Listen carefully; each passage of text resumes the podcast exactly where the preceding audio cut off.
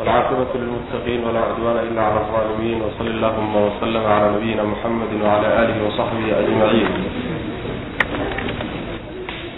أما بعد فيقول سبحانه وتعالى ترجي من تشاء منهن وتؤوي إليك من تشاء ومن ابتغيت ممن عزلت فلا جناح عليك ذلك أدنى أن تقر أعينهن ولا يحزن ويرضين بما آتيتهن كلهن wallahu yaclamu ma fii quluubikum wa kana allahu caliiman xaliima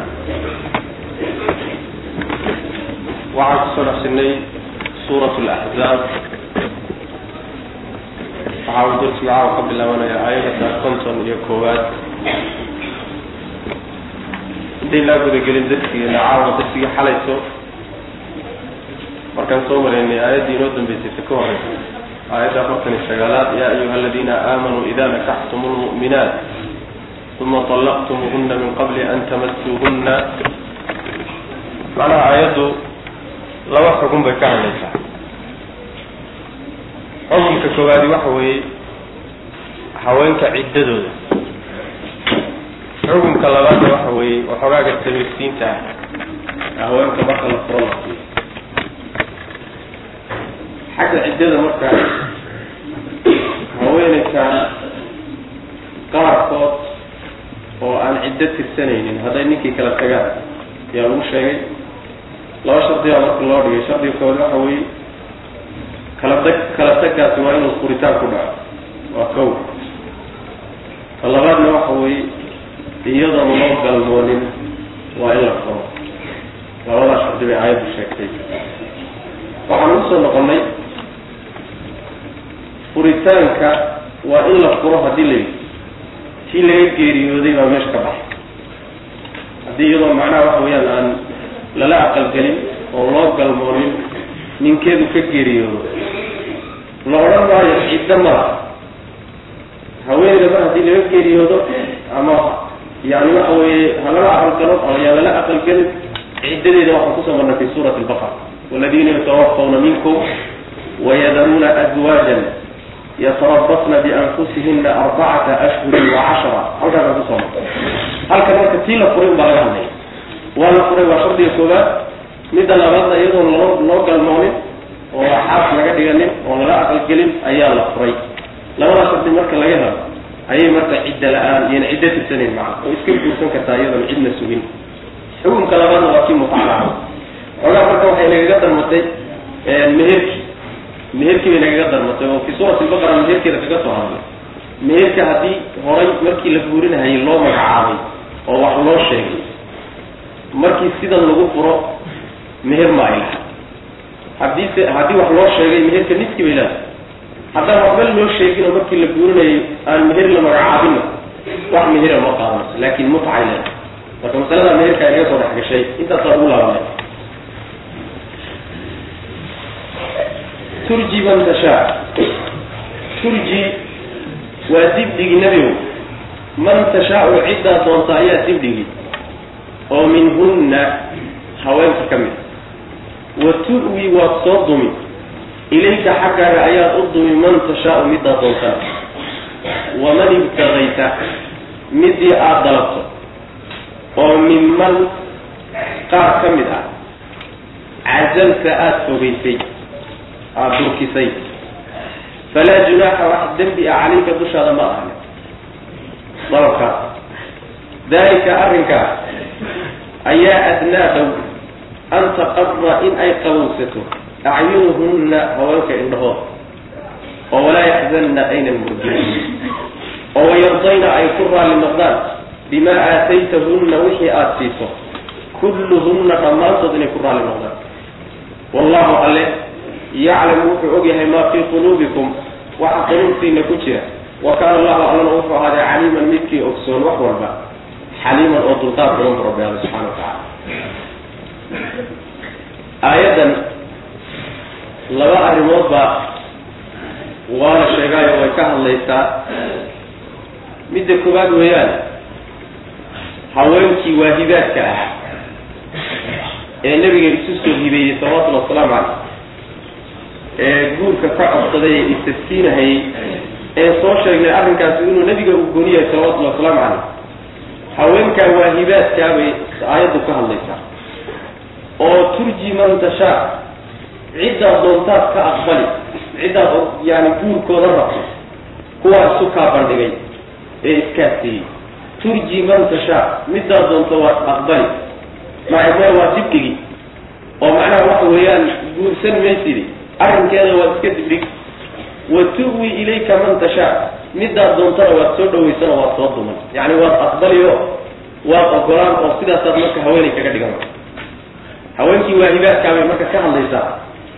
Aayadda saa marka la yidhaha waman istaqayta miman cazalta falaa junaaxa waxay marka noqonaysaa middii aad dalabto kuwii ayntay isu ku yimaadeen oo iskaasiiyeen aada diiday haddaad mar labaad dalabtood codsato inaad guursato wax dembiya kaama taha waad yeeli kartaaba macana waahibaadkay marka aayaddu ka hadlaysaa saas marka la yidhaha xadiidka saxiixulbukhaariga ku yaalla ayaa caaisha radiallahu canha waxay leedahay waxaan aada uga masayri jiray bay tiri haweenka nebiga salawatullhi wasalaamu caleyh isu soo bandhigay yaan ka masayri jiray. Markaasa waxaan dhihi jiray bay tiri. Maxay tahay haweeneyda intay iskeento iyadoo socoto oon meher iyo waxba qaadanaynin. Nin guurso iska odhanaysa maxay? Xoogaa yani dhaliil way saluugi jirta maxay tahay? Haweenka haweeneyda noocaas oo kaleeto ee lafaheed iyo qiimaheeda saa u dilaysaa. Maxay tahay baan ohan jiray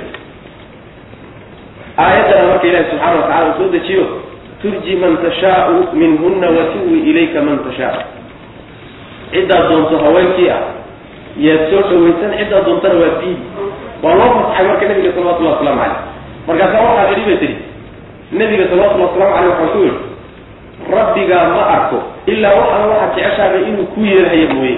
Adigu saa rabto unbuuba ku yeeliyo jacaylkaaga unbuuba la socdaaba macana saas saasaan ku dhibay marka xadiidkaasi marka wuxuu kutusaya haweenkii waahibaadka ahaa ee nabiga isu soo hibayay salawatulli waslamu aleyh in aayad saamay xadiid kalea jira oo caaisha lafteeda ay warinayso saxiixulbukhaariga ku yimi oo tilmaamaya aayaddu inay ka hadlayso haweenkii nabiga salawatullahi waslamu caleyh haweenkii nebigu qabay ee xaasaskiisa ah oo waxay leedahay nebiga salawatullahi wasalaamu caleyh ayaa wuxuu ahaa haweenkiisa.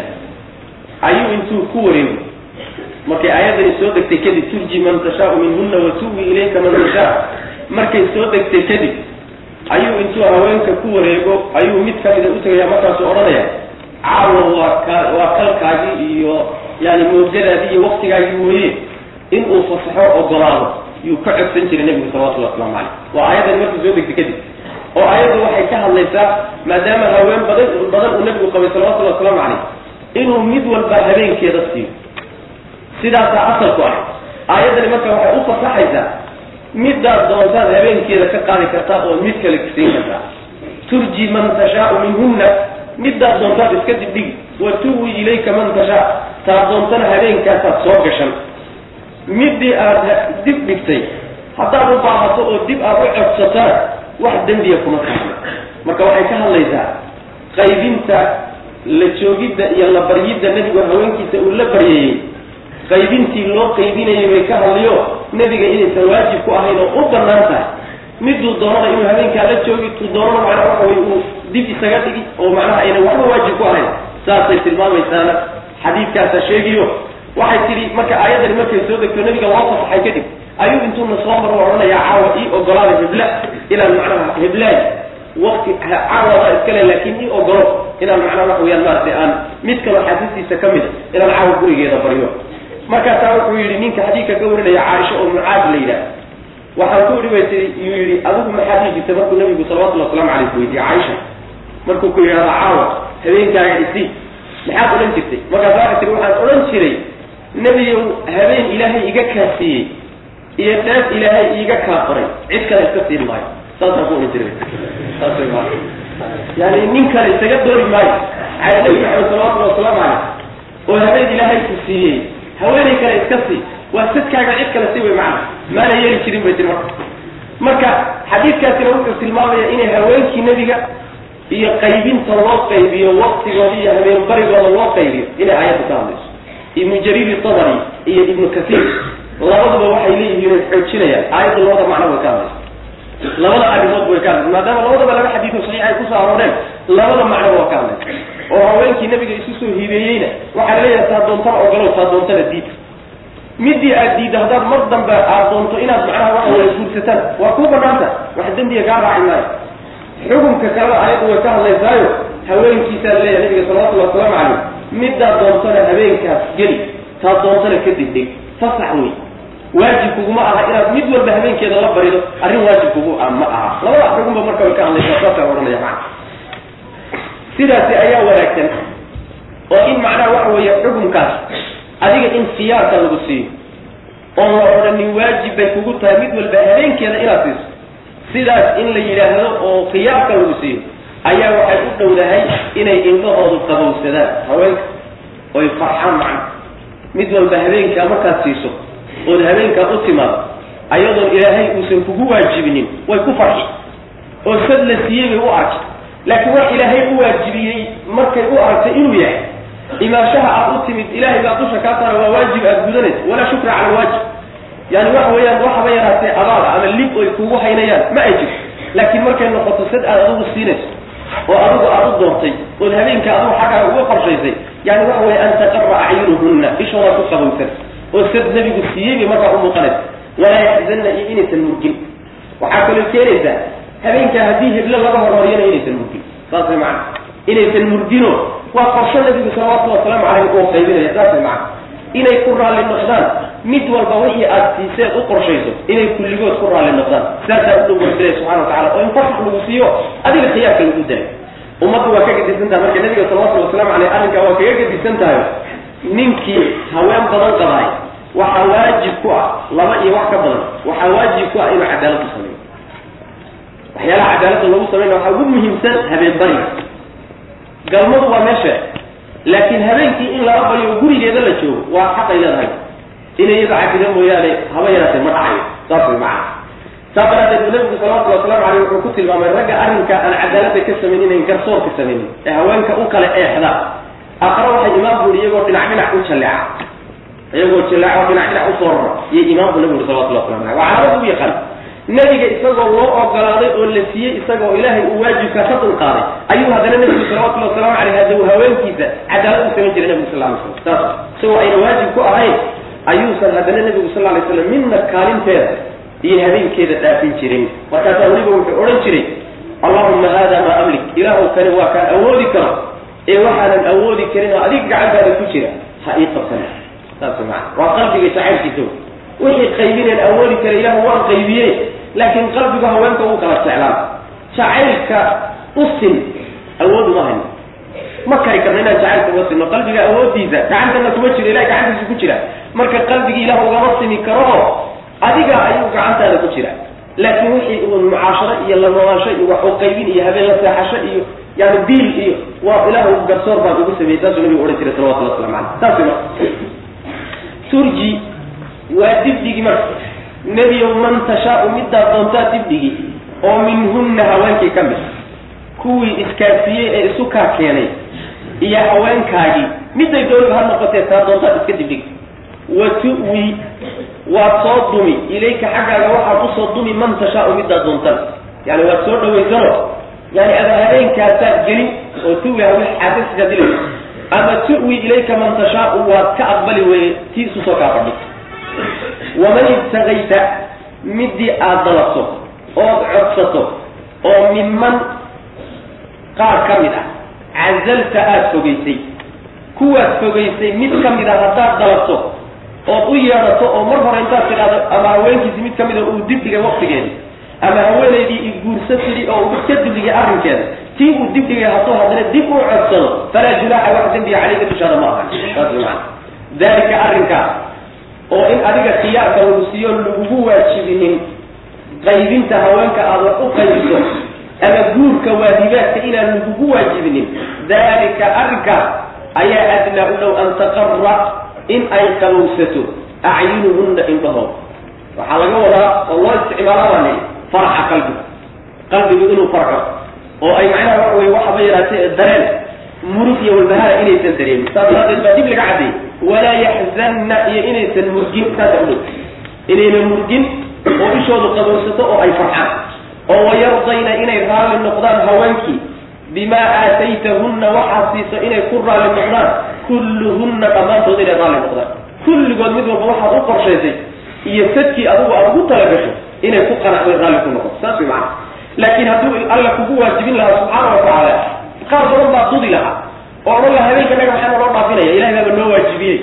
Taasaa marka nabiga looga koryeelay salawatullhi wasalaamu caleyh sidaana u fiican baa laleeya macana waxaa kaloo la ogyahay nebigu salawatullhi wasalaamu caleyh inuusan jawr iyo dulmi ka dhacayn. Jawr iyo dulmi inuusan ka dhacayno nebigu salawatullahi wasalaamu caleyhi maslaxa un mooyaane garsoorkooda inuu ku dadaalaya la ogyahay oo rabbi ogyahay subxana wa tacala wallahu alla yaclamu wuxuu ogyahay maa fii quluubikum qalbiyadiina waxa ku jira ayuu alla ogyahay. Waxa qalbigiina ku jira rabbi baa og wa kaana allahu allana wuxuu ahday caliiman midkii ogsoon wax walba xaliiman oo dulqaad badan bu aha laa yaxilu xalaal ma aha. Laka adiga xalaal kuuma aha nebiyow. Annisaau haweenkii xalaal kuuma aha min bacdu intaa kadib. Walaa an tabaddala inaad bedelatana xalaal kuuma aha bihinna haweenkii min aswaajin xaasas kale inaad ku bedelato walow acjabaka haba ku yaabgeliyeen xusnuhunna quruxdooda haba ku yaabgeliyeen kuwo kale xataa quruxdooda u bog hadana maya. Ilaa maa malakat waxay hanatay mooyaane yamiinuka midigtaada. Addoommo mooyaane. Wa kaana allahu allana wuxuu aday calaa kulli shayin wax walba dushiisa raqiiban midkii ilaaliya abu ah aayadan waxaa nabiga salawatullhi wasalaamu caleyh ugu leeyay nebiga kuuma banaana intaa kadib haweenku kuuma banaana. Midda labaadna inaad haweenkaaga kuwo kale ku bedelato oo iyaga intaad farto qaar ka mida booskooda qolo kale soo gashatana kuuma furna xataa kuwaa dambeed ku bedelanaysa quruxdooda aada u bogsidba oo ha ku cajabgeliyen quruxdooda wey haddayna addoommo ahayn wixii addoommo a lagu ogol waa lagu ogolya allana wax walba ayuu subxaana wa tacaala ayuu ilaaliye u yahay oo ka warqabaa way macna aayaddani marka sida aayaddii horoo kale weeyaano laba macno ayay mufasiriintu ku sheegayaan iyadana. Waxay leeyihiin qaarkood waxaa laga hadlayaa haweenkii nebiga salawatullhi wasalaamu caleyh oo ayaga ayuu ilaahay abaalgud ahaan maadaama markii la door geliyo la yidhi ama adduunyo doorta ama ilaahay iyo rasuulkiisa iyo aakharo doorta maadaama ilaahay iyo rasuulkiisa iyo aakharo ay doorteen rabbi wuxuu ugu abaalguday in nebiga loo diido salawatullhi wasalaamu caleyh iyagaa waxaan ka ahayn sagaalkooda haweenay dambe inuusan nebigu guursanin salawatullahi waslamu caleyh waa loo diiday. Oo aayadana loogu diiday. Kuma banaana haween sagaalka aada hayso wixii ka dambeeya dib dambe haweenay uma guursan karti ayib waxaa kaloon kuu banaanayn sagaalkan mid ka mida intaad furto booskeeda inaad mid kaloo cusub soo gashatana kuma banaan walaa an tabaddala bihina min aswaajin ilaa inay addoommo yihiin mooyaane. Oo addoommada ayagu guurkooda kuu furan. Addoommadu iyagu waa kuu furan laakiin xor haweeney xor oon sagaalka ahayn laguma ogola arrinkaa marka waxaa loogu abaalguday haweenkii nebiga salawatullhi wasalaamu caleyh ee istaagay mawqifkii qiimaha badnaa ayaa rabbi abaalgud uga dhigay. In la yidhaahdo ayaga uun ku ekow nebiga salawatullahi wasalaamu caleyh sidaasi waa tafsiiro. Marka waxaa qaba mufasiriin aad u badan oo mufasiriintii salafka ka mid a ayaa qaba. Sidaa marka la yidhahdo aayaddu waa mansuuqa la leeyahy aayaddu waa mansuuq oo xukumkeedu maba joogaba. Waa la bedelay xukumkeeda oo aayadda ka horaysaa bedeshay turji man tashaau minhuna wa tu'wi ilayka man tashaa. Aayaddaasaa xukumkeeda bedeshay waa marka la yidhahdo xaasaska sagaalka waxaan ka ahayn dibdaba uma guursan kartid.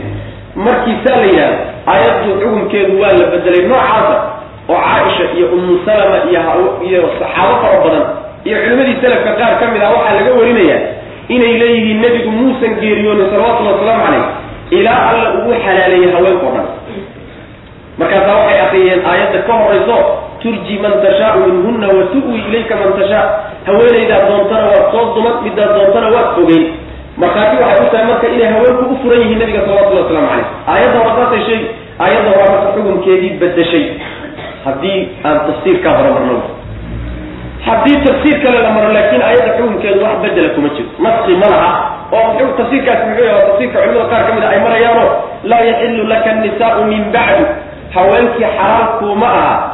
Haweenkaa la soo sheegay wixii ka soo haray. Haweenka la soo sheegay kuwa wey haweenka la soo sheegay waa kuwii faraha badnaayo. Laga soo bilaabo yaa ayuha nabiyu ina axlalnaa laka aswaajaka allatii aatayta ujuurahunna xaasaskiisa iyo gabdhihii macnaha adeeradii adeerkiis iyo gabdhaha macnaha eedooyinkii abti abtigii iyo macnaha diyarihii gabdhahooda iyo haweeneyda isu soo hibaysay. Iyo xaasaskiisa intaa wixii ka soo haray iyo haweeney mu'minadooda isu soo hibaysay intaa wixii ka soo haray kuma banaan maxaa u banaan marka? Tilmaamaha la soo sheegay wixii leh way kuu banaan yihiin guurkooda. Wixii laakiin tilmaamaha aan lahayn oo haweeney gaar oo kaleeto yahuudiyad oo kaleeto nasraaniyad oo kaleeto wixii tilmaamaha aan la soo sheegay ahayn haween aan soo hijiroonin oo kaleeto tilmaamaha la soo sheegay waxaad ahayn kuma banaano guurkooda. Laa yaxilu laka annisaau min bacdu sidaana waa haddii tafsiirkaa la maro oo mufasiriinta qaar ka mid a maraye aayaddu marka xukunkeedu ma bedelle xukunkeedu weli baaqi bu ahaa nabiga baaqi bu ka salawatullah waslamu caleyh sidaas way macana waxaa loo badan yahay aayadda xukunkeedu inuu mansuuq yaho la bedelayo aayadda ka horeysa ay bedeshay saasaa loo badan yahay. Laa yaxilu xalaal ma aha laka adiga xalaalkuma aha. Annisaau haweenkii min bacdu intaa kadib.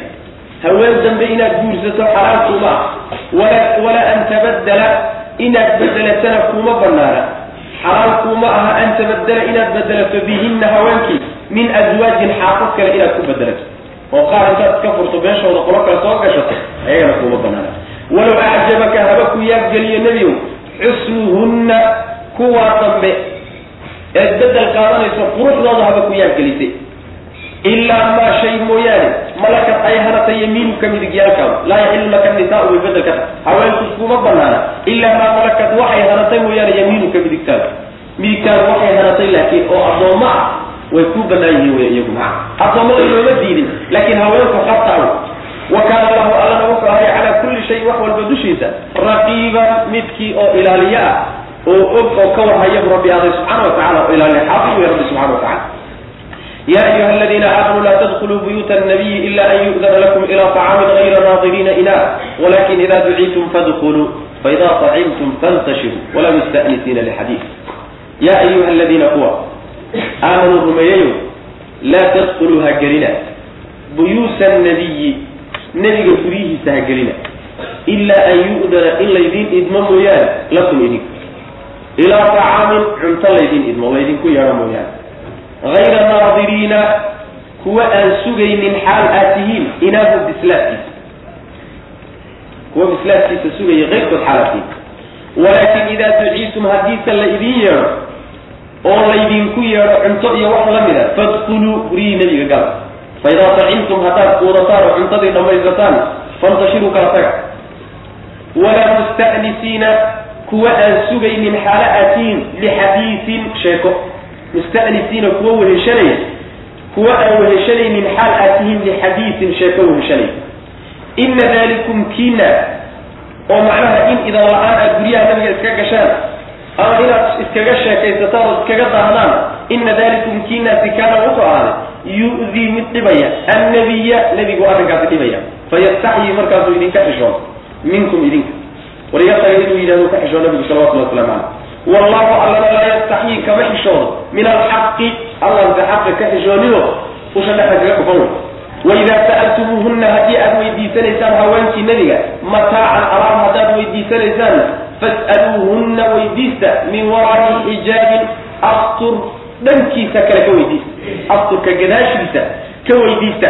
Dalikum kiina oo inaad astur astur gadaashii wax ka weydiisataan oo alaabtii waxaad u baahantiin ka warsataan ayaa liquluubikum quluubtiina saasa u dahaaro badan. Wa quluubihinna iyo quluubtoodaba haweenka quluubtooda iyo idinka quluubtiinaba saasaa u nadaafad badan. Wamaa kaana ma ahanin lakum idinka idinma ahanin oo idinma wanaagsana. Wax idiin habboonna ma aha. An tu'duu inaad dhibtaan. Rasuul allahi rasuulka ilahi inaad dhibtaan. Walaa an tankixuu inaad guursataanna wax idiin habboon ma aha. Aswaajahu xaasaskiisa. Min bacdihi isaga gadaashiisa abadan weligii. Ina dalikum kiinaas oo haweenkiisoo la guursadaa iyo dhibkaa nabiga la dhibaa kaana wuxuu ahday cinda allahi ilaahay agtiisa cadiiman mid aada u weyn buu ahaaday. Aayaddan dhowr arrimood bay ka hadlaysa. Laakiin mawduuca ugu weynay ka hadlayso sababu nuzuul bay leedahay. Sababu nuzuulkeedu wuxuu ahaa nebiga salawatullahi wasalaamu caleyh zaynab markii loo guuriyey zaynab binti jaxsh aan soo marnay guurkeeda. Markii nebiga loo guuriyey salawatullahi wasalaamu caleyh oy noqotay inuu la aqalgalo ayuu nebigu sal alay wasalam wuxuu diray ninka anas khaadimkiisii waxoogaa raashinana waa la sameeyey oo weliimo loogu talagashay waxoogaa raashina yaa la sameeyey. Xay yani waxbaa la isku dardaray waxaa loogu yeedhay dadkii marka saxaabadii baa loogu yeedhay. Markii loo yeedhay baa marka gurigii la yimid. Gurigii markii la yimid oo raashinkii weliimada ahaa la cunay ayaa marka sheekadii baa raggii la tagtay oo meeshii baa laskaga sii sheekaysay waa la iska sii fadhiya cabaa nabigana salawatullhi wasalaamu aleyh xaaskii baa guriga ugu jira. Oo uu doonayaa inuu macnaha wax wey la aqalgalo fadhigaa dheeraaday ayuu marka nebigu dhibsaday salawatullhi waslamu caleyh war idhaafoo iga kaakaca inuu yidhahdana ka xisho oo dee afka lama soo marin karo martidaada idhaafa wax la dhihi kara ma. Raggiina isgaran waay qur'aanos lagumana raage lagamana raage ka kaakaca xoogaa macinta wa waa sii fadhiya cabaar markay fadhiyeen ayuu marka nebigu salawatullhi wasalaamu caleyh uu ka kacay intuu istaagay buu reerihii xasaskiisii kaluu soo barbariidiyey soo maray bal inay isgartaan kaakacaan wuu soo laabtay mise way iska sii fadhiyaan wuu laabtay haddana nebigu salawatullhi wasalam caaisho gurigeedu galay gurigii markuu galay ayaa marka way kaceen markay kaceen buu anas nabiga u tegay salawatullhi waslamu aleyh markaasuu nebigu raggi waa kaa kacen markaasuu nebigu sal lay slam soo laabtay. Seerkiisii buu marka u soo galay oo islaamkii cusbayd ah. Markuu la aqalgalay sida uu anas leeyay oo uu labadiisa lugood midna ay guriga gashay midna ay banaanka taalo ayay aayaddan ku soo degtay. Oo rabbi subxaana watacala wixii iyo arrintii meesha ka dhacday saxaabadiina lagu edbinay sidoo kaleetana mas'alo cusub oo haweenka xijaabkoodiina lagaga hadlay markaasaa wuxuu nabigu sameeyey bu ihi daahii buu sii daayey daahi ilan anas khaadim buu ahaayo uu iska dhex joogi jiray haweenkana waaga xijaab kuma soo degin. Intaan la xijaabin bay ahay daahi buu sii daayay nabigu markiiba salawatullahi waslamu caleyh markaasaa meeshii fadhiga yaan keligay ku soo hadhay nabigu xaaskiisina guriga hoose qolka hoose isla aadeen macana saas wey aayaddu marka taasay tilmaamaysaa saxaabadii nabiga salawatullahi wasalaamu calayhi ee waxoogaa meesha ku daahay ayaa la edbin guriga nebigiiyo aadaabtiisaa laga sheekay. Waxaa lagu yidhi dadkii mu'miniinta ahayow guryaha nebiga ha gelina ilaa in la idin idmo oo cunto laydinku yeedho mooyaane. Yani waxa weeyaan guriga un daba iyo iska gal joojiye wey maana weliba idinka oon cuntada bislaadkeeda sugayn. Hayra naadiriina inaahu inaahuda maxaa bisaylkaa la yidhaha naadirkana sugitaanka laga wada idinkoon cuntada bisaylkeeda sugayn laba macnoba waa suurtagal. Gurigii intaad wakti hore iska soo farfadhiisataan raashinku inuu idinku dul bislaado idinkoo meesha fadhiya idinkoon sugayn oo saa lama rabo xilliga uu raashinku diyaar yahay un imaada in laga wado waa suurtagal. Waxaa kaloo suurtagala hayra naadiriina inaahu in laga wado. Waxaa jiray rag yani waxa weye dayfan carabku tira dayfan bay dhahdaa dhufaylna waa la yidhaha waa ruuxda dadka raqda ka agdhawaadeen markii maanaa meel wax lagu samaynayo raashin la samaynayo meelaha intay ka agdhawaada dadkoo gelaya markay arkaan iyagoo loo yeedhay iska gal dayfan bay carabku dhahdaa oo nuuna raaci dhufaylna waa yidhaha khadiib lbaqdaadi baaba macnaha lilmunaasaba khadiib lbaqdaadi baaba kitaabka alifayo qisaska dhufayliyiinta ayuu kitaab mustaqila ka alif waxyaalaha ajibka ka mid marka in laga wada taasi waa suurtagal oo waxaa la diidan yahay meelaha intaad taagtaagnaataan idinkoo laydiin yeedhin gurigii oo la sii markaad aragtaan inaad iska dabagashaan ma ficna aadaab fiican ma ah haddaan lagu yeedhin hageli saas wey dhufayl baa lagada akhlaaq fiican ma ah maqnow waxba meesha kugu dhaafi maayaan. Saasaa la rabaa. Labada macnaba in laga wado waa suurtagal ma guriga dhexdiisana bisaylka ha ku sugin oo reerkii ha dhibina in laga wado intaad meelaha ku sugtaan un bisaylka inaad uun waktigiisa fiirsataan hayra naadiriina ilahu intaa laga wadana waa waa suurtagal haddii se laydin yeedho oo guriga laydinku yeedho oo cunto iyo kala taga. Meesha sheekaha ku sii haysanina idinkoo weliba yani sheeko weheshanayn musta'nisiina lixadiidin sheeko idinkoo weheshanaynin oo sheekadu ayna idinla dheeraanayn. Intaa raashinka aad sugaysaan ama raashinka aad cunaysaan wixii aad ku dul sheekaysanaysaan ku dul sheekaysa. Laakiin inaad iska sii wadataan sheekada maya. Saas way macnaa walaa musta'nisiina lixadiid maxaa yeelay arrinkaasi nebigu dhibayaa salawatullahi wasalaamu calayh nebigu dhibayaa sidii macnaha waxa weeye aad haddaba ugu dhinteen nebigu dhib u keenaya wuuna idinka xishoon oo inuu yidhaahdo xaqiiqada idiin sheego yidhahdo war sidani waa idhibaysaa iga daayeen nebigu uu ka xishooda salawatullahi wasalaamu caleyh allaanse xaqa ka xishoonin hadduu nebigu idinka xishooday xaq baad garab garab marsantihiin oo gar uma lihidin arrinkaasi allaan arrinkaa idinkaga xishoonaynin oo saa idiin daynaynin xaqa mara way macna in allaha laa yastaxyi an yadriba masalan maa bacuuda wixii xaqa iyo wixii gara alla kama xishooda subxaana wa tacala marka alla idiin sheeg intaasi marka waxaa lagaga hadlay guryihii nabiga sal alay slam iyo aadaabtii ay ku imaan lahaayeen iyo siday kaga bixi lahaayeen. Yaa intaa lagaga hadlay. Waidaa sa'altumuuhuna mataacan fas'aluuhuna min waraai xijaab intaana waxaa laga hadlaya xijaabkii baa laga hadlay.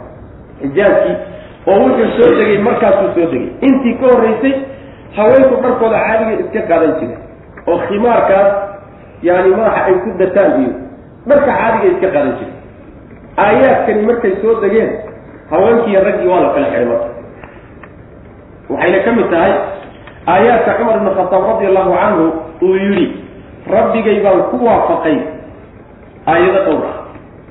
Axkaamtuu rabbi ku waafaqay oo intaynan soo degin uu ka sii tala bixiyey bay ka mid tahay. Tanaa ka mid ah. Oo wuxuu ku yidhi nebi allow xaasadkaaga nin xun iyo nin fiicanba waa u soo gelahayaayo guriga way imaanayaane inaad xijaabtood ragga ka qariso sooma ficnaate horu ugu sii tala bixiyey. Waa intayna aayaadka xijaabku soo degin ogow asagoo taladaa bixiyey oo aada u necbaysan jiray haweenka nabiga sal lla alay wasalam insaan loogu galgalo ayaa qur'aankani soo degay oo lagu xijaabaya haweenka. Waxyaalahu marka rabbi ku waafaqay subxaana wa tacaala ayay ka mid tahay. Way badan yihiin qaar ka midana waynu soo marnay oo waxaa ka mid ah masalan yani asra dadkii la soo qafaashay axkaamtoodii baa ka mid ah. Sidii nebigu yani raggii badan lagu soo qafaashay xukunkii ugu taliyey ayaa ka mid ah macna. Axkaam fara badan oo noocaasa ayaa jira macna. Markaasaa macnaha alla subxaana wa tacaala haweenkii wuxuu yidhi haddaad alaab ka doonaysaan oo aad uga soo baahataan maacuun iyo alaab iyo wuxuu uga soo baahataan ama dan idinka soo gasho idinka iyo iyaga oo astur idiin dhexeeyo derbi idiin dhexeeyo mara idiin dhexayso ka guta dantiina oo alaabta ka qaata way macna meel macnaha waxa weeye laydiin dhexeeyo oo astur idiin dhexeeya ka weydiista saas rabbi ilahi subxana wa tacala alaabtiina markaad qaadataanna saa kula oo haweenkii ha arkina way macna.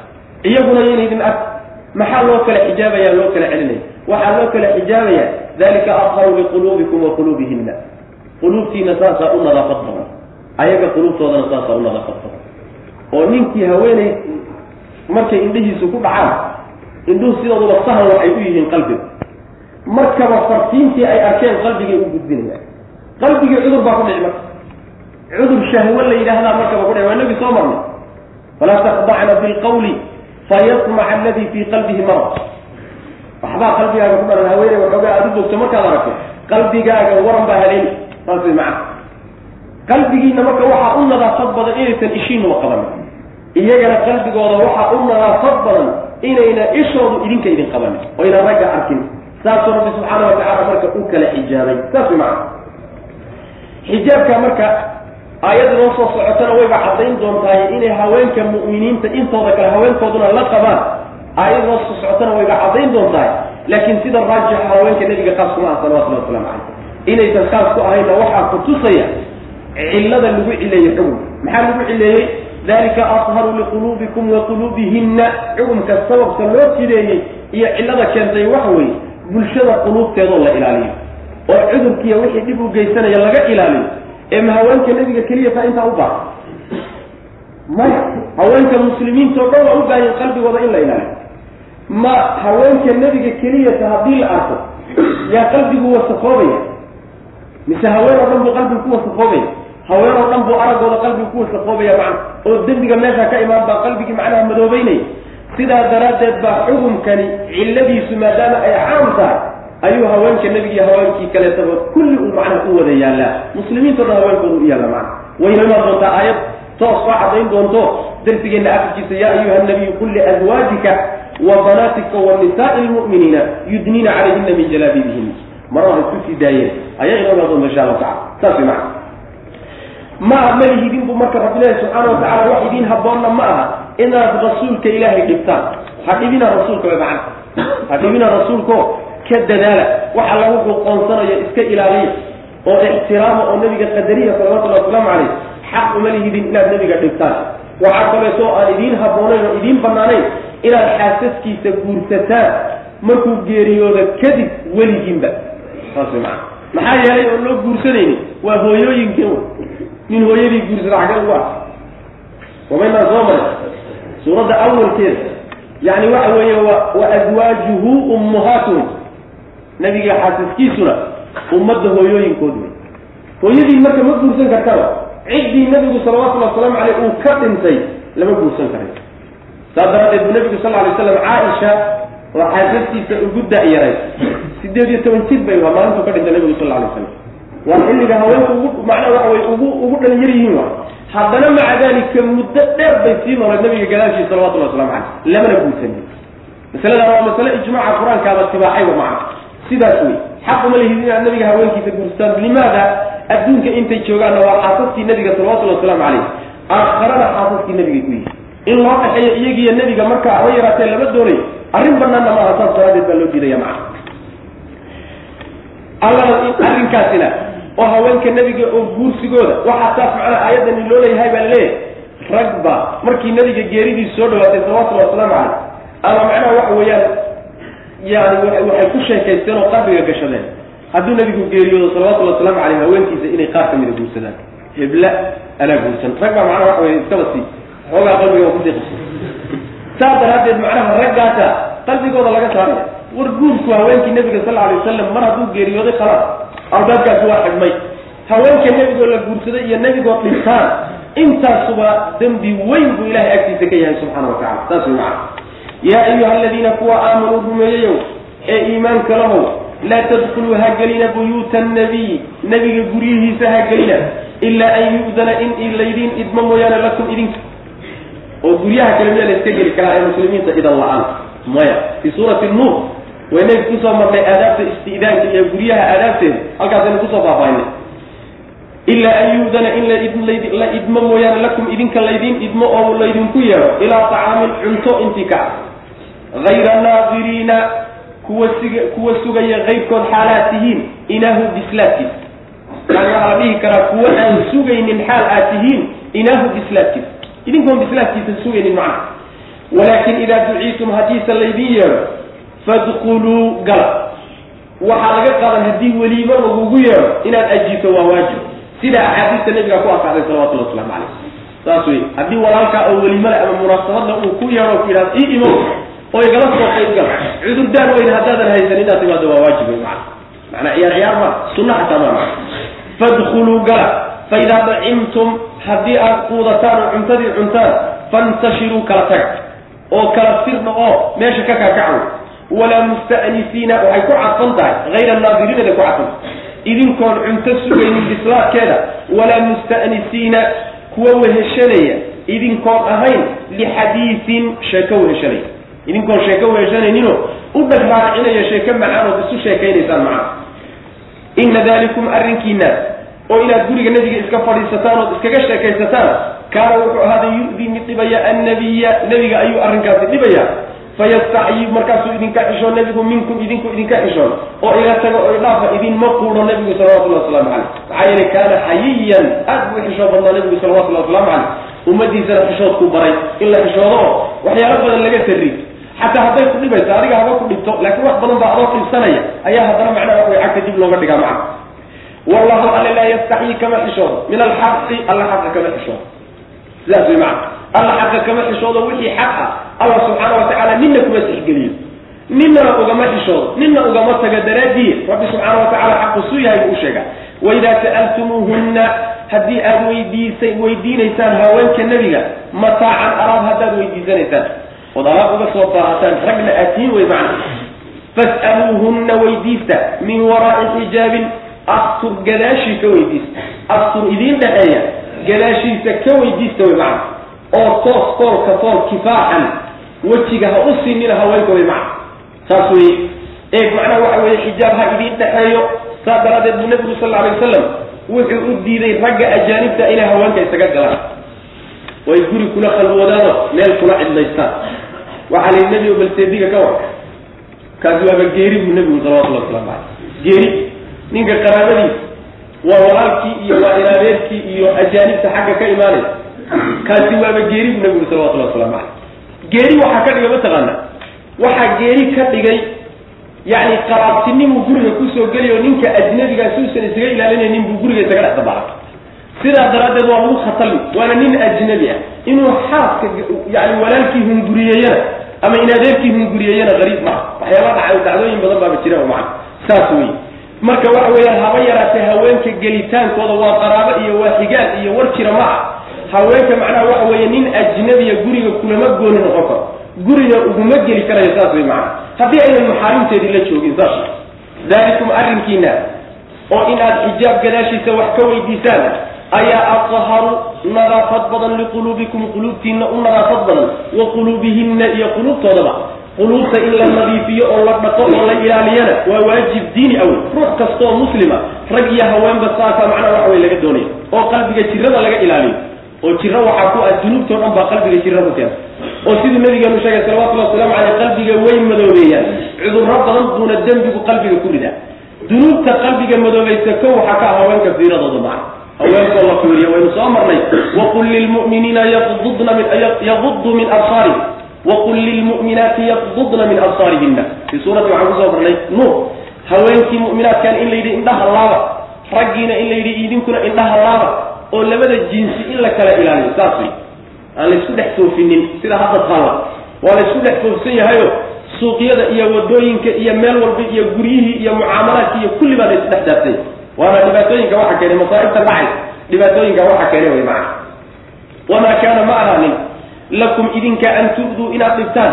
Idiinma ahaanin oo idiinma banaana an inu inaad dhibtaan rasuulallahi rasuulka alle inaad dhibtaanna malihidin oo arrin idin furan ma aha walaa an tankixuu inaad guursataanna ma idin banaana aswaajahu xaasaskiisa min bacdihi nabiga gadaashiisa abadan weligii ina dalikum kiinaas la soo sheegay kaana wuxuu ahaaday cinda allahi ilahay agtiisa cadiiman dembi weyn ayuu ilahay agtiisa ka yahay in tubduu shay-an aw tukfuuhu faina allaha kana bikulli shayin caliima in tubduu haddaad qarsataan shay-an wuxuun haddaad qalbiga ku qarsataan aw tukfuuhu in tubduu haddaad muujisataan shay-an wuxuun haddaad muujisataanoo aad dadku idinla ogaado ood samaysaan aw amase tukfuuhu ama aad qarsataan fa ina allaha alle kaana wuxuu ahaaday bikulli shayin wax walba caliiman midkii ogsoon buu ahaa aayaddu waxay inoo sheegi qalbiga waxa ku jira rabbi wuu ka warhayaa sida waxa aad muujisanayseen ama carabka ka muujisanaysaan ama adinka ka muujisanaysaan rabbi u og yahay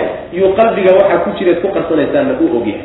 Hadduu og yahayna ogaanshaha maxaa ka imaanaya? In laydinku abaalmaray marka qalbiga ilaaliya way macna. Ilan qalbi hadda soo lagama soo hadlaynin. Quluubta ha la ilaaliyo way oo xumaanta ha laga ilaaliyo. Iyaga macnaha saldhigii jidhka wey saldhigii xarunta jidhka laga maamulo way qalbigu sidiisaba waa xudunta wey haddii meeshaasi ay fasaadto siduu nabigeenu sheegay salawatullhi wasalaamu caleyh jidhka intiisa kalena waa fasaadaya. Noloshiina way fasaadi. Haddii qalbigu laakiin dhowrsoon yahay yani wax badan baa ilaashan in tubduu haddaad ilaalisaan in tubduu haddaad muujisaan shay-an wuxuun haddaad muujisaanoo af iyo adin miduun ku muujisataan aw tukfuuhu ama aad qarisaan fa ina allaha alle kaana wuxuu haday bikulli shayin wax walba caliiman kii ogsoon. Laa junaxa calayhina fii aabaa'ihina haddii la yidhi raggii ayna u gelin haween haweenkiina raggii ha iska ilaaliyo oo inuu xijaab u dhexeeyo mooyaane yaan laysku furin. Ma rag oo dhan ba? Maya qaar baa laga soo reebi laa junaaxa wax dembi ah. Calayhina haweenka dushooda ma ahaanin. Fii aabaa'ihinna aabbayaashooda dhexdooda walaa abnaa'ihinna wiilashooda dhexdooda walaa ikhwaanihinna walaaladooda dhexdooda wiilashay walaalada yihiin walaa abnaa'i ikhwaanihinna wiilashay walaalada yihiin wiilashay dhaleen. Wax dembiya iyagana kama saarno walaa abnaa'i akhawaatihinna gabdhaha ay walaalaha yihiin wiilashay dhaleen. Walaa nisaa'ihinna haweenkooda. Walaa fii nisaa'ihinna haweenkoodana dhexdooda wax dembiya kama saarno oo dembi dushooda ma ahaanin. Walaa maa walaa fii maa shay dhexdiisana isagana dembi ka raaci maayo. Malakad ay hanatay aymaanuhunna milgiyaalkooda addoommada ay leeyihiinna ayadana wax dembiga ka raaci maayo wattaqiina allaha war haweenow alla ka cabsada ina allaha alle kaana wuxuu ahaday calaa kulli shayin wax walba dushiisa shahiidan midkii markhaati oho og buu ahaday rabbi subxana wa tacala ilaaliyo waxaa laga soo reebay oo haweenkii guryahooda iyo xijaab la'aan iyo astur la'aan sitaaro iyo xijaab la'aan haweenkii waxaa u geli karaya oo hadday la joogaan ayna dhib lahayn oo loo ogol yahay intan la soo reebay waa aabbayaashood aabbayaashood waxaa soo gelaya kuwii dhalay iyo kuwii kuwaasii dhalay awiyadu iyo adeeradood waa aabbo aabbayaal wey sharcigu aabbu u isticmaala kulli aabbayaal wey macana waxaa kaleeto iyadana ta kuwa labaad ah wiilashay dhaleen. Wiilashay dhaleen. Waxaa iyaguna la mida carruurtay dhaleen wiilashay sii dhaleen.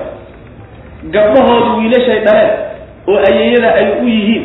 Ama wiilashoodu wiilashay dhaleen oo ayeeyada u yihiin ayaguna abnaa wey waa wiilashaasi wey macana aw ikhwaanihinna waa walaaladoodu wiilasha ay walaalada yihiin haweenka oo ama xagga aabbiya xagga hooyay ka walaala yihiin. Ama xagga aabba basa ama xagga hooye keliya. Walaaladooda iyagana waxa weye waxba iska asturi maayaan. Waxaa kaleeto iyagana ayna dembi ka soo raacayn haddayna iska asturin yacni waxa weeyaan walaaladood wiilashay dhaleen oo maxay u yihiin marka? Habaryaray u yihiin sooma mise eedooyin eedooyin u yihiin wiilashay eedooyinka u yihiin ayadana wax dembiya ka soo gaari maayo. Walaa abnaai akhawaatihina iyadana waxa weye gabdhaha ay walaalada yihiin wiilashay dhaleen oo waa markaa wiilasha ay u yihiin habaryaraha u yihiin way macana waxaa lagu daray inta walaa nisaa'ihinna haweenkooda waxaa laga wadaa haweenka mu'minaadka oo haweenka gaalada ah een iimaanka lahayn cawradooda u muujin maayaan way iska xijaabayaan way macana maxaa loo diidi kuwa? Waxaa loo diidayaa walaa nisaa'ihinna. Waxaa loo diidayaa haweenaydii markay arkaan mu'minadda ahay oo ay arkaan quruxdeedii iyo meelihii macnaha waxa weye jidhkeedii ay arkaan. Iimaan celiya ma jirta leeyihiin iyo islaam ay dhowrahayaan iyo alla kacabsi kuma jire. Ragga ajaanibtaa bay u tilmaamaya. Markaasay odhanayaan hebla saas iyo saasay u taala oo saas iyo saas way jidhkeeda sifaynta haweenka mu'minaadka ay sifaynayaan si aynan u sifayn oon ragga ajaanibta aynan ugu sifaynin baa layidhi iska aduuda iyaga. Saas way maca kaasi waa tafsiir laakin tafsiir kalaa jir sidaa marka la maro balaaya ina haysata inaga haweenkii jaariyadaha ee guryaha inoo joogay ee gaalada ahaa balaaya inaga tafsiirka aayadda marka la maro. Maxaa yeelay haweenkeennii iyo iyagii baaba isku dhex jiraan. Bal waxaaba gariib ah. Guryaha qaarkood rag baa ka shaqeeya haddana maca dalika ragga qaadimiinta guryaha ka dhex shaqeeya iyo haweenkii waa isku fasaxanya waa la dhex jooga waa qawsaar baa lagu dhihi qawsaar bay haweenka macnaa waxa wey loogaba cabsan maayo. Saas wey miyaad ogsoontihin axaadiista nabiga sal alay slam inay ku soo aroortay mid adi leeyahaayo adi u raaci jiray nin haweenaydiisi inuu dabamaray waa dhacdaa waxaan kadaasi macnaha shaydaan baa dadka isku qoday oo ninkan kadaasi waa foolxun yahay iyo waa gaal iyo macnaha waa khaadim iyo wayba ka yaqyaqsan iyo war jira maaha haweenaydan waa mu'minad oo waa muslimad oo waa mutaxajibad oo ilahay bay ka cadsanna war jira maaha. Meeshaa mar hadday tagtaa arrintu halis sidaa daraaddeed waa in laga ilaaliyo tarbiyada iyo akhlaaqda iyada waa in haweenkii muslimaadka la sii wey maca walaa nisaa'ihinna walamaa malakat aymaanuhunna waxaa laga wadaa waa addoommada ayagu ay mulkigooda ku jira addoommada mulkigooda ku jira haweenku ay leeyihiin sayiyada ay u yihiin kuwa iyaguna macnaha waxa weeyaan inay iska qariyaan yani shardi maaha. Saas wey maana addoomma hadda ma wa jiraan taqriiban wadaadada qaar baa waxay noogu fasiri jireen wama walamaa malakat aymaanuhunna dadka macnaha gaaladay noogu fasiri jireen laakiin waxa wey waa macna khalad awey walamaa malakat aymaanu waxa uun tafsiirka ka keenay walamaa malakat aymaanuhunna bay adduunka ka arki waayeen markaasay meeshan la aaday walamaa malakat aymaanuhunna addoomaa laga wadaa sharci iyo jihaad lagu soo qabsan marka kadibna ama iib gacantaada ku soo galay ama macnaha waxa weye islaamkuba kuu siiyey qayb ahaan kugu soo galay. Saasaa laga wadaa macna qolyahaas marka hadda ma joogaan marka kadib bu alla subxaana watacaala wuxuu amar siiyey haweenkii mu'minaadkaa war alla ka cabsada leey alla subxaana watacaala wax walba waa og yahay. Goobjoog buu yahay waxba kama qarsoone. War rabbi ka cabsada oo ilaaliya sharciga iyo diinta alla ilaaliyo. Saasaa la leeyahay. Intan in ka fara badan intan in ka fara badan waxaynu ku soo marnay fi suurati nuur halkaan loogu laabto. Rag intan ka fara badan oo haweenayda ka mid ah maxaarimteeda ragga aynan iska asturaynin ka mid a fi suurati nuur baan ku soo marnay halkan laakiin waa la soo ururiyo dhowr maa laga sheegay macana saas wey laa junaaxa wax dembi a calayhina haweenka dushooda ma ahaanin. Fii aabaa'ihinna aabbayaasha dhexdooda wax dembi a ka soo gaadhi maayo. Yani waxa laga hadlayana waa jilbaabka weyn iyo xijaabka weyn inay ku dhigaan agtooda oo caadi haweenayda guriga markay iska joogto waxyaalaha jidhkeeda qaybaha muuqda inay hortooda ku muujisay arkaan dhib male w maana saas iyaga laftooda qayba inay arkaan aan loo baanayn oon loo ogolen laa junaaxa wax dembi ah calayhinna haweenka dushooda ma ahani fii aabaa'ihinna. Aabbayaashood dhexdooda inay aabbayaashood macnaha waxa weeye ay u soo galaan ama ay la joogaan aan laba khalwoodaan walaa abnaa'ihinna iyo wiilashooda toona yani dushooda dembi ka soo gaari maayo. Walaa ikhwaanihinna walaaladood wiilasha walaalahiin walaa abnaa'i ikhwaanihinna walaaladood wiilashooda wiilashay dhaleen macana oo waa wiilashay eedooyinka u yihiin. Walaa abnaa'i akhawaatihinna gabdhahay walaalahiin wiilashay dhaleen oo waa wiilasha habaryaha u yihiin. Walaa nisaa'ihinna haweenkooda waa haweenka mu'minaadka ah. Tafsiirka macnaa culimada qaar mid ka mida oo haweenkii gaalada ahaa ayaynan isu muujinayn oona iska asturaya. Walaa maa shayna maya malakad ay hanatay aymaanuhunna midigyaalkooda wixii midigtoodu hanatayna ayadana dembi ka soo gaari maayo. Oo addoommadoodii rag iyo haweenba saas wey culimada qaar baa ohanaya hadday addoommadu rag yihiin way iska asturayaan. Laakiin axaadiista waxaa ka muuqata inaysan iska asturayn wattaqiina allaha alla ka cabsada ina allaha alle kaana wuxuu ahaaday calaa kulli shayin. Wax walba dushiisa shahiidan midkii og oo uusan ka qarsanayn buu ahaa. Ina allaha wamalaa'ikatahu yusalluuna cala nabiy. Ya ayuha aladiina aamanuu salluu calayhi wasallimuu tasliima ina allaha alle wamalaa'ikatahu iyo malaa'igtiisu yusalluuna waxa ay ku salliyayaan cala nabiyi nabiga dushiisa ay ku salliyayaan sal alay slam yaa ayuha aladiina kuwa aamanuu rumeeyeyo salluu ku salliya calayhi nabiga dushiisa oo wasallimuu salaama tasliiman salaamin aayaddani waxay ka hadlaysaa nabigeena salawatullahi wasalaamu caleyh xuquuqda ummadda uu ku leeyahay mid ka mid oo xaqaasi muxuu yahay inay nebiga ku salliyaan salawatullahi waslamu caleyh maxaa yeelay ilaahay iyo malaa'igtiisaaba ku sallinaya nabiga sal alay slam salliga ilaahay uu nebiga ku sallinayo macnaheeda waxa weeye ammaanta uu ilaahay ku ammaanayo yacni malaa'igta dhexdooda. Magiciisa halkaa lagu sheeg sheegi. Waa macno. Waxaa kaleeto ka mida salliga alla nebigiisa uu ku sallinayo naxariista uu naxariisanayo. Waxaa ka mida barakada ilaahay uu barakeeyey subxaana watacala intaasoo dhanba salliga rabbi uu ku salliyayo malaa'igta salligeeda ay nebiga ku salliyaysana waa ducada ay u ducaynayso iyo dembi dhaaf weydiinta ilaahay ay u weydiinayso inuu dembi dhaafo. Saas weye marka ilaahay iyo malaa'igtiisuba way ku sallinayaan idinku xaggeed joogtaa marka soo inaad ku sallidaan maa saas weeyaane ku salliya nabiga salawatullahi waslamu oo salaama way maca marka salliga nabiga sal alay slam ayay aayaddu amraysaa. Waxaa amarkaasina asalkiisu waa inuu waajib yahay. Saas daraaddeed baa culimada qaarkood waxay leeyihiin waa ijmaac oo waa laysla ogol yahay in ay ruuxa muslimka ku waajibayso inuu nabiga ku salliyo sal alay slam laakiin waxaa laysla waafaqsan yahay cimrigiisa hal mar inuu ku salliyo inay waajib. Cimriga hal mar inuu ku saliyo intaa waa laysla waafaqsanya ayib wixii hal mar ka soo haray baa marka lasla laysku khilaafay culimada qaar ka mida waxay leeyihiin mar alla markuu ruuxu magiciisa maqlo inuu ku saliyaa waajib sida axaadiista nebiga sal alay slam qaar ka mida ku tusaya. oo waxaa ka mid a xadiidka dheer ee nebigu sal alay wasalam uu leeyahay jibriil baa ii yimid. Markaasaa wuxuu yidhi yacni waxa weeyaan aamiin de markaasaa yidhi aamiin. Markaasuu aamiin aamiin. Markaasaa yidhi aamiin aamiin. Markuu saddex goor nebigu aamiin yidhi salawatullhi waslamu caleyh ayaa saxaabadoo la joogtay ayaa weydiisay. Maxay saddexdii gooraad nebigu aamiinta ku haysay mimbarku sii fuulay markaasaa wuxuu yihi nebigu sal lay slam jibriil baa ii yimido markaasaa wuxuu igu yidhi naxariista alle ha laga fogeeyo oo ha laga durkiyo oo ha laga dayriyo ruuxii magacaaga maqlo oon kugu saliyin. Aamiin dhe buy markaasaan aamiin idhi saas maa marka inay waajib tahay ayay culimada qaar kamida u daliishanaya axaadiis macnaha tusayso oo kaasi ka mid yahay baa jira.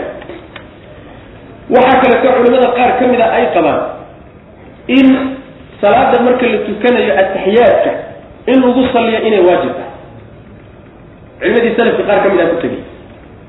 Waxaa ka mid a ragga ku tegey alimaamu shaafici madhabkiisa wey wala culimada intooda badan ku khilaafsan yihiin. Haddana waa madhabku ku tegey. Wey sidaasaana raajix. Sidaasaana raajix oo tashahudka salaada marka la ataxiyaadsanayo in lala yimaado waa waajib. Maxaa yeelay nabiga salawatullhi wasalaamu caleyh aayaddani markay soo degtay saxaabadaa weydiiyey waxay yidhahdeen nebiyo waanu garanay sidaanu kuugu yani kuugu sallin lahayn. Yani waay waxay yidhahdeen sidaan kuu salaami lahayn aqoonsan leh ee seen kuugu sallina.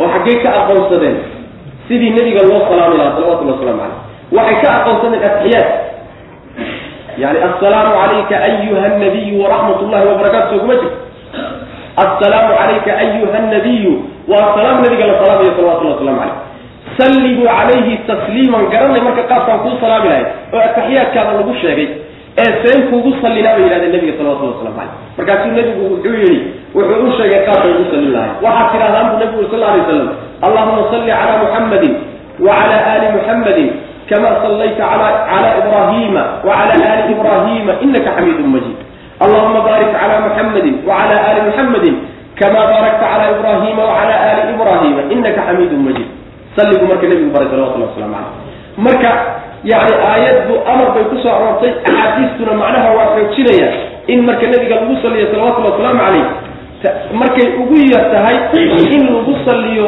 salaada dhexeedana lagu saliyo cimrigiina macnaha intii la awoodi karo lagu saliyo taasaa macnaha waajiba. Asalku inuu waajib yahay saasay faa'ideyneysaa macnaha. Saasay faa'ideyneysaa khasaaro weyn baana ruuxu kala kulmaya hadduu ka tago nabiga saligii salawatullhi wasalaamu caleyh tacsisaar badan baa ku dhacay oo hal mar markaad ku salido toban ajri ugu yaraan bu ilahi kaaga qoraya subxana wa tacala maxaa marka ajirka isaga dayic hala badiya nabiga yani salligiisa salawatulli wasalaamu calayh oo magaciisa markii la maqlaba yaan laga bakayl bakayl waxaa ugu bakaylsan buu nabigu yuri salawatullahi wasalaamu calayh nin magacayga agtiisa lagu sheegay oo lagu saliyo. Saas macna nin baa nabiga weydiiyey sal alay wasalam salligaaga cibaadadayda intee baan inte in leeg baan ka dhiga ma nis baan ka dhiga haddaad ka badisa ka fiican ma macnaha waxa weya ma ka sii ka sii badi ka sii badi ka sii badi. Saas macana kullama aad salliga nabiga badisa salawatullahi wasalaamu calayh fa huwa khayrun lak saasaa marka la doonaya maca maxaa yeelay waa xaqa uu nabigu leeyahay salawatullahi wasalaamu caleyh ummadda ku leeyahay ayay ka mid tahay. Saas wey ina allaha alle iyo wamalaa'ikatahu malaa'igtiisu yusalluuna way sallinayaan. Cala nabiyi nabigay ku sallinayaan salawatullahi waslamu caleyh oo allana subxaana wa tacaala uu ammaanaya oo wuu barakaynaya oo wuu u naxariisanaya malaa'igtiisuna waa ku ducaynaysa yaa ayuha aladiina kuwa marka aamanuu rumeeyeyow salluu ku salliya calayhi nabiga dushiisa. oo qaabka loogu sallinna waa qaabkaan sheegnay iyo qaabab kaloo badan oo nabiga ka soo aroortay oo saxaabada saxaabada baray oo loogu sallin karay. Waxay culimmadu leeyihiin waxaa ugu yar salli allahuma salli calaa muxamadin wa cala aali muxamed intaasaa ugu yar beli. Intaasaa ugu yar. Inkastoo aanan arag meel ay ku soo aroortay xadiista ka mid a haddana intaasaa ugu yar beli laakiin aad inta soo aroortay nebiga ka soo aroortay mid ka mid a inuu ruuxu barto ugu yaraan yaa fiican. Maxaa yeelay siduu nebigu u baray saxaabada in loogu salliyaa fiican. Si layskala yimid oo jeefka laga keensaday ma salluu calayhi dushiisa ku salliya. Wasallimuu salaama nabiga tasliiman salaama. Salaamtuna haddaad joogto madiine iyo qabrigiisa dul joogto iyo haddaad ka maqan tahay waa isku mid. Assalaamu calayka ayuha nabiyu markaad tidhaahdo salaamtaada waa la gaadhsiin nabiga salawatullahi waslamu calayh. Adoo meeshan jooga sidaa xadiista nabiga ku soo aroortay salawatullahi waslamu calayh. Sidaa daraaddeed ayayna waajibba ahayn bal aynan sunno ahayn bal ay bidco tahay in qabriga nebiga salawatullahi wasalaamu calayhi loola qasto safar loola qasto.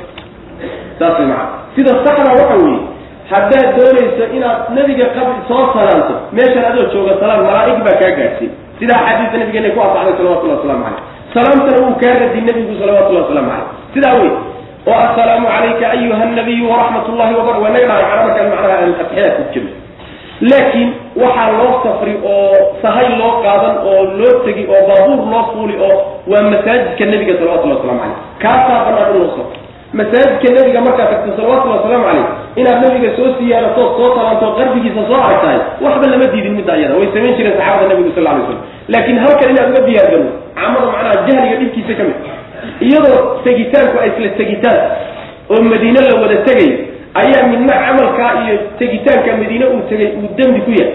Midna uu ajir keenaya ninka qabriga u qastay waa dembiile maxaa yeelay camal ka asaxay ma aha qabriga in loo rarto bal nabigu waa diiday salawatullah waslamu caleyh safar in loo galo. Ninka laakiin masaajidka u qastay qabrigana markaa kadib soo maray oo soo salaamay ninkaasi waa ma'juur sunnadii nabiguna maray salawatullah waslamu caleyh wasallimuu salaama tasliiman salaamid nabiga salaama salawatullah waslamu caleyh ina aladiina yu'duuna allaha warasuulahu lacanahum allahu fi dunya walaaakhirati waacadda lahum cadaaban muhiina ina aladiina kuwa yu'duuna dhibaya allaha alle warasuulahu rasuulkiisa dhibaya lacanahum allahu alla lacnadayo ka durkiyey naxariistiisa fi dunya adduunyada dhexdeeda waalaakhirati aakhirada naxariistiisuu ka durkiyey wa acadda wuu diyaariyey lahum iyaga cadaaban cadaab buu u diyaariyey muhiinan oo dulleeya. Waaladiina kuwa yu-duuna dhibaya almu'miniina mu'miniinta kuwa dhibaya ragga ah waalmu'minaati iyo haweenka mu'minaadka kuwa dhibaya bigayri maktasabuu waxaynan shaqaysanin oynan la imaanin ku dhibaya faqad ixtamaluu kuwaasi waxay xambaarsadeen buhtaanan been abuurad weyn wa isman iyo dembi mubiiran cad bay xambaarsadeen macnaa waxa weye dhibku sidiisaba sharcigu ma ogola oo qawaacidda sharciga iyo axaadiista nebiga waxaa ka mid a laa darara walaa diraara dhib ma jiro. Sharciga rabbi dhib waxa la yidhahda ma jiro. Dadka marka alla subxaana wa tacaala dhibaya rasuulkiisana dhibaya. Alla lama dhibi karo subxana wa tacala oo xadiis saxiixa nabigu sal alay slam waa ka ku odhanaya yaa cibaadii addoommadaydiiow haddii qaarkiin ay isku dayaan inay idhibaan ima dhibi kartaan. Marka rabbi dhib lama gaadhsiin kara subxana wa tacala ee adiyada waxaa laga wadaa waxyaala xunxun oo rabbi subxaana wa tacaala xuduudiisa tilowsan oo amarkiisii oo laga tago ama wuxuusan yani reebay oo la sameeyo dunuubtii ah yaa laga wadaa dhibka alla subxaana wa tacala alla dhibitaankiisa saasaa laga wada xadiis saxiixa nabigeena ka soo aroray salawatullahi wasalaamu calayh yu-diini ibni aadam wayashtumuni ibni aadam waa idhibaya wuuna icaayaya xaqna uma laha inuu idhibo iyo inuu caayo. Dhibka uu idhibaya waxa weeye wuxuu leeyahay ima soo celin karo markaan dhinto kadib. Waa dhibid. Maxaa yeelay awood male way alla subxana wa tacala aflagaado wey wuu icaaya cayduna waxa weeye ilmuu alla yeeshay subxaana wa tacaala oo xaaq buu leeyahay. Waa aflagaado oo wuu icaayaya xaqna uma laha rabbi ilahi subxana wa tacala xadiis lqudsi saxiixaynka ku soo aroray wey xadiiskaas mana yani xadiiskaas marka kuwa alla dhibaya oo sharcigiisa gudbayo rasuulkana dhibaya salawatullahi wasalaamu calayh oo rasuulka dhibitaankiisa waxa weeye in dhibaato loola qasto wax dhiba lafihiisa eheladiisa wax danqiyo nabigu ka xanuunsada salawatullahi waslamu caleyh dhib noocaasa ruuxii u geystaay kuwa noocaasi lacnad ilaahay baa ku dhacdo allah lacnaday addunya aakhara waa lagu lacnay rabbina wuxuu u diyaariyey cadaab dulleeye oo ihaaneeye yuu aakhare ugu diyaariyey.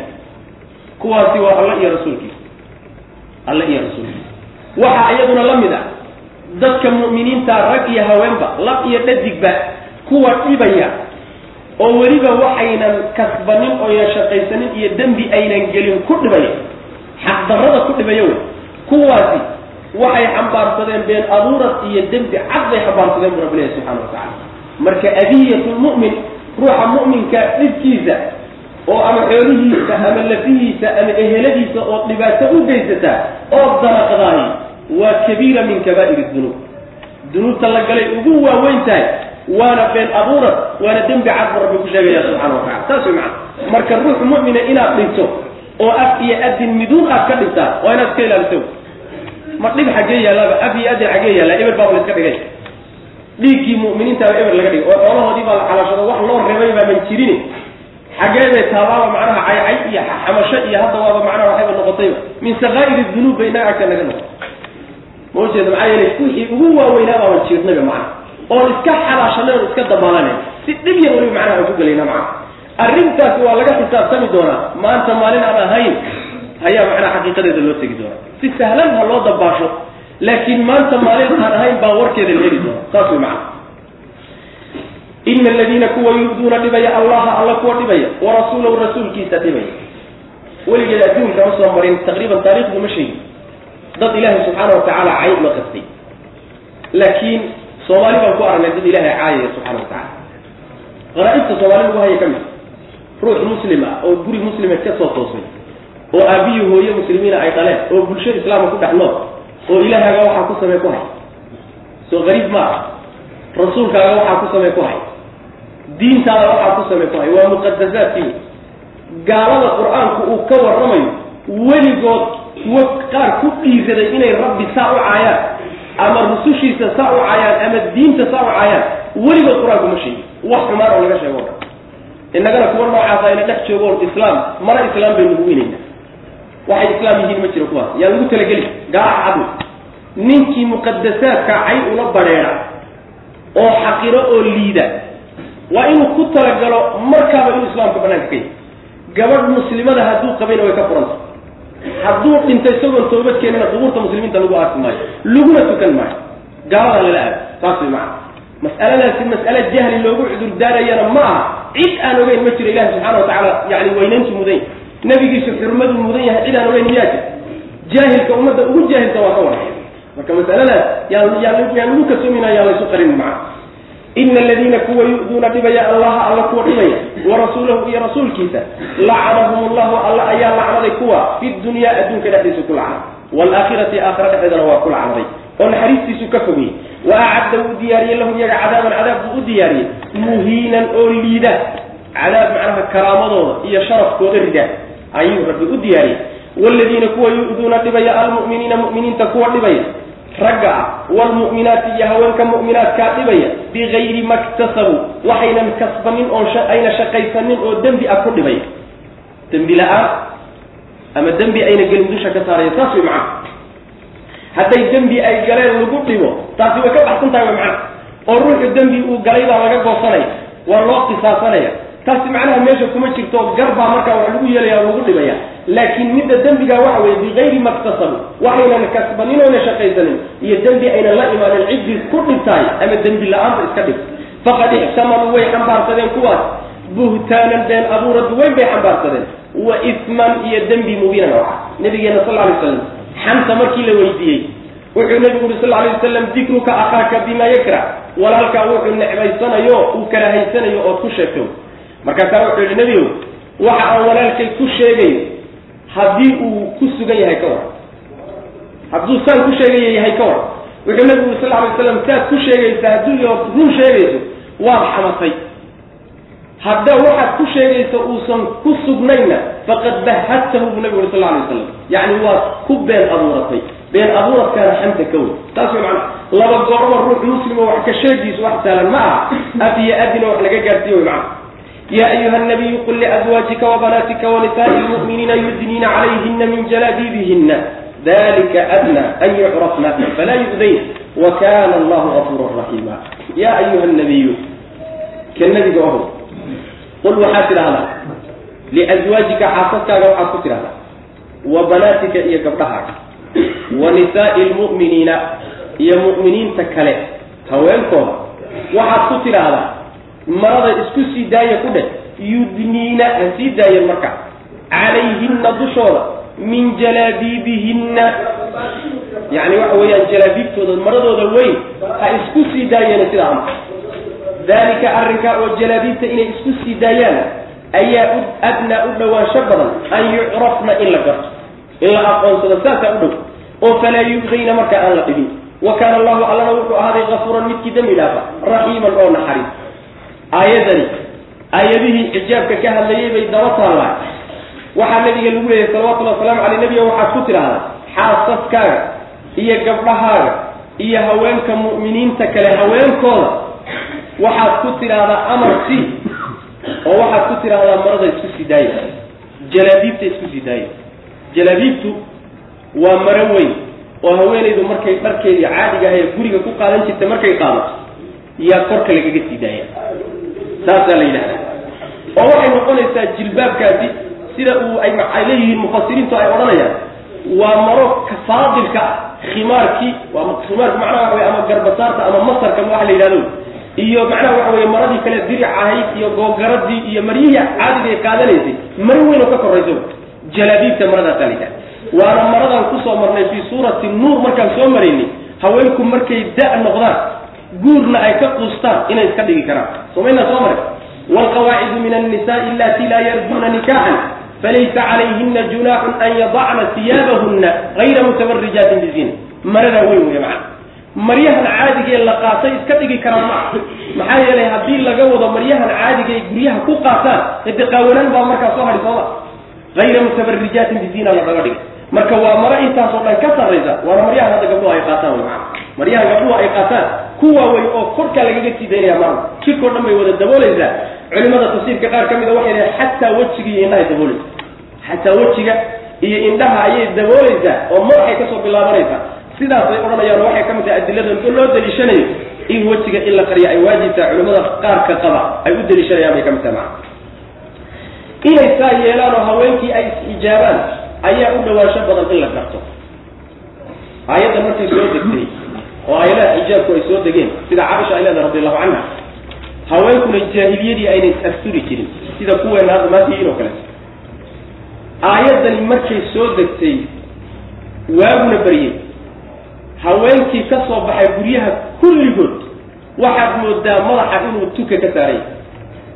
Yacni mayo madmadow oo wada jilbaabye ah yaa lala soo wada kallahay oo gabdhihii la soo baxeen waa markay saa u soo degtay muran male maanaan aqoon jirin male hidiya dhaqan maanaan u lahayn ma jirto oo way adag tahay oo waa macnaa waa waa huur male. Waa lagu dhibibi male. Meeshuu kululaa male. Yacni waxa weeya markiiba bulshadii way ku dhaqanto way tatbiiqi maxaa yeelay mabda-iyan ba bulshadu waxay rumaysan tahay. Wixii rabbi guddoomiye subxaana wa tacala bay maslaxda ku jirtaa. Hadday intaasi kaa dhaadhacdo amar walba oo rabbi ka soo fulay ama rasuulkiisa ka soo fulaayay caado walba iyo shay walba kugu yimaadaay waa kaaga qiimo badan. Shay walba waa kaaga qiimo badan waadna ka horumarinaysaa macana sidaas weye marka yani waxa weeye in la xij haweenkii la xijaabo saasaa la amraya. Ciddii marka muran ka qabtay oo dhihi lahayd haweenkii nabiga aayadihii hore ka hadlayeen wa nisaai lmu'miniina xagee buu geyn marka. Wa nisaai lmu'miniin muminiintii kale haweenkoodii baa laga wada xijaabku marka waa waajib. Haweenka in la faro oo raggu ay faraan oo iyagu farsoomaan oo bulshada lagu tarbiyeeya waa shay waajib fi suurati nuur baynu axkaamteeda ku soo faahfaahino kaga soo hadalna wixii ilaahi subxaana wa tacala uu inoo sahlay. Maxaa laga wadaa dalika adnaa an yucrafna maxaa laga wadaa? Dalika adnaa an yucrafna waxaa laga wadaa? Waxaa dhici jirtay haweenka xorta haweenka xorta iyo kuwa addoommada intuba musqulamayna lahayn bulshada guryuhu musqula ma lahayn. Habeenkii markuu galo iyo haweenku marka banaanka u bixi jireen soo danaysan jireen. Haweenka marka addoommada kuwa xorta laguma dhici karo waxaa jira mar walba marka ciyaal suuq ciyaal suuq fusaqa a baa jiro mar walba haweenka ugaarsado meelaha u gala. Kuwa noocaas oo kalea jiri jira marka. Markaasaa waxay ugaarsanayaan oo raadsanayaan haweenka addoommada. Ah haweenka addoommaday raadsan. Haweenku xortaa way ka cararayaan oo dee rag bay la dhasheen oo yani waxa dhib inuu ka soo gaaray ka cabsanaya. Haweenkaa addoommaday marka raadsanaya haweenkii addoommada ahaa iyo kuwii xorta ahaa maxaa lagu kala garan waxaa lagu kala garanaya xijaabka.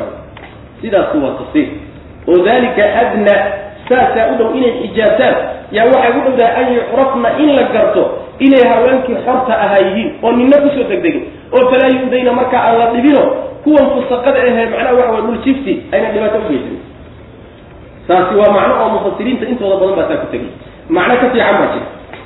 Oo in la yidhaahda dalika midkaa ayaa adnaa dhawaansho badan an yucrafna in la garto haweenkii cafiifaadka ahaa ee dhowrsoonaa ee aan faasiqaadka ahayn een zinada lagu aqoonin haweenkii tilmaamaha ticticnaa inay yihiin in la garto saasa u oo haweenayda cafiifada ee dhowrsoon ee xishmada leh ee diinta leh ee akhlaaqda leh iyo midaan akhlaaqda leh xijaabka lagu kala gara middaa marka qaawan ayay marka kuwa fusaqadihii marka raadsanaya. Shimbirba shimbirkiisu caydsadaa sooma oo la duula taasay marka dabagelaya middan xijaabana laakiin asduran hunguriyeyn maayaan. Dalika adnaa an yucrafna falaa yu'dayn hadda lafteedu saas hadda lafteedu waa saas. Inkastoo waxoogaa hadda macnaha yaro tasaqmayo yani waxa weeye dakan badan qiiq badan baa galay xijaabki oo maro soomaaliyeed buu iska noqday. Waagii hore diin baa loo qaadan jiray. Diin ahaantii in lagu celiyaa waajib.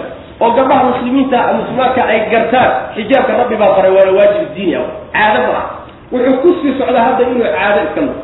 Sida hadda matalan coostida ma tigteen gobolkan coostida haweenkooda samada mara yaroo meeshan u saarano macnaha madow oo karin.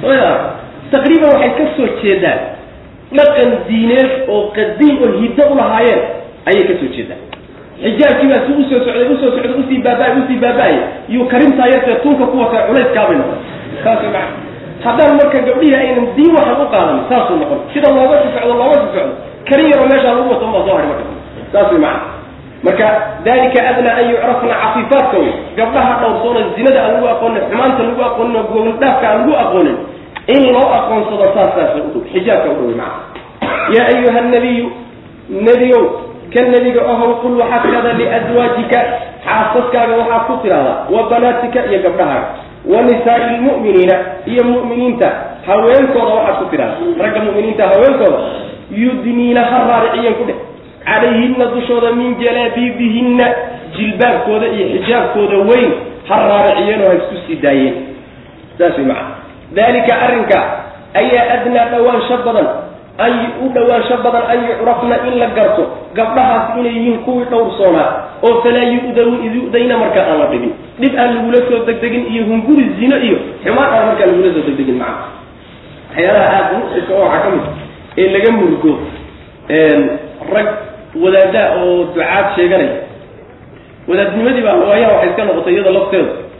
Yani maro weyn oo abeesooyin iyo balaaya iskaga dhex jiraan in dib loo qeexay u baahan. Waxyaalaha dib in loogu noqdo u baahan waxaa ka mid a culimyanimadii iyo ducaadnimadii iyo yani waxa weeyaan wadaadnimadii in dib loo qeexay u baahanta nin alla ninkii hadloo diin baa sheegi yidhahda oo culimo maaha culimo ninkii diinta yaqaano kitaabka iyo sunnadana yaqaana taqwo iyo alla kacabsina ku darsaday baa culimo la yidhahda laakiin ninkii hadlaba haddii la yidhahdo culimo wey oo layska dabagalay mushkiladu markaasa imaanaysa macana rag marka culimada u eg laakiin aan culimo ahayn ayaa xijaabka la dagaalamay oo waayaha dambe dacayaad ku furay oo cajalada ku duubay oo gabdhaha xijaaban ugu jeesjeesay iyo xijaabkaba si xataa aynan calmaaniyiinta iyo gaalada iyo munasiriinta iyo mustashriqiintu aynan ugu jeesjeesin weligood dacayad ayna dacaydanin bay dacaydayen waana wadaaday sheeganayaan culimanimo dadka noocaas oo kale. Dadka halayska jira marka dadka halayska jira yaanan ugu kadsoomin ninka aad diin ka qaadan cilmigiisa iyo taqwadiisa labadaaba ka fiiri. Waraciisa iyo diinta su ugu dhaqmo labadaaba ka fiiri macna. Laakiin diinta waa la baran karaayo ibliis baa dad ugu cilmi badnaa makhluuq ugu cilmi badnaa macna. Nin kastaa baran karo shaydaan baa baran karo kugu lumin karay. Yaan marka laysugu soo gabanin oo diinta yaan laysugu soo gabanin saas way macna dalika midkaasa adnaa dhawaasho badan an yucrafna in la garto oo falaa yu'dayna aan la dhabin gabdhahaan aan dhib loo geysanin wa kaana allahu allana wuxuu aday hafuuran midkii dembi dhaaf badan raxiiman oo naxariis badan addoommadiisa u naxariisto u dembi dhaafa hada wabilahi tawfiq sal allahu waslm ala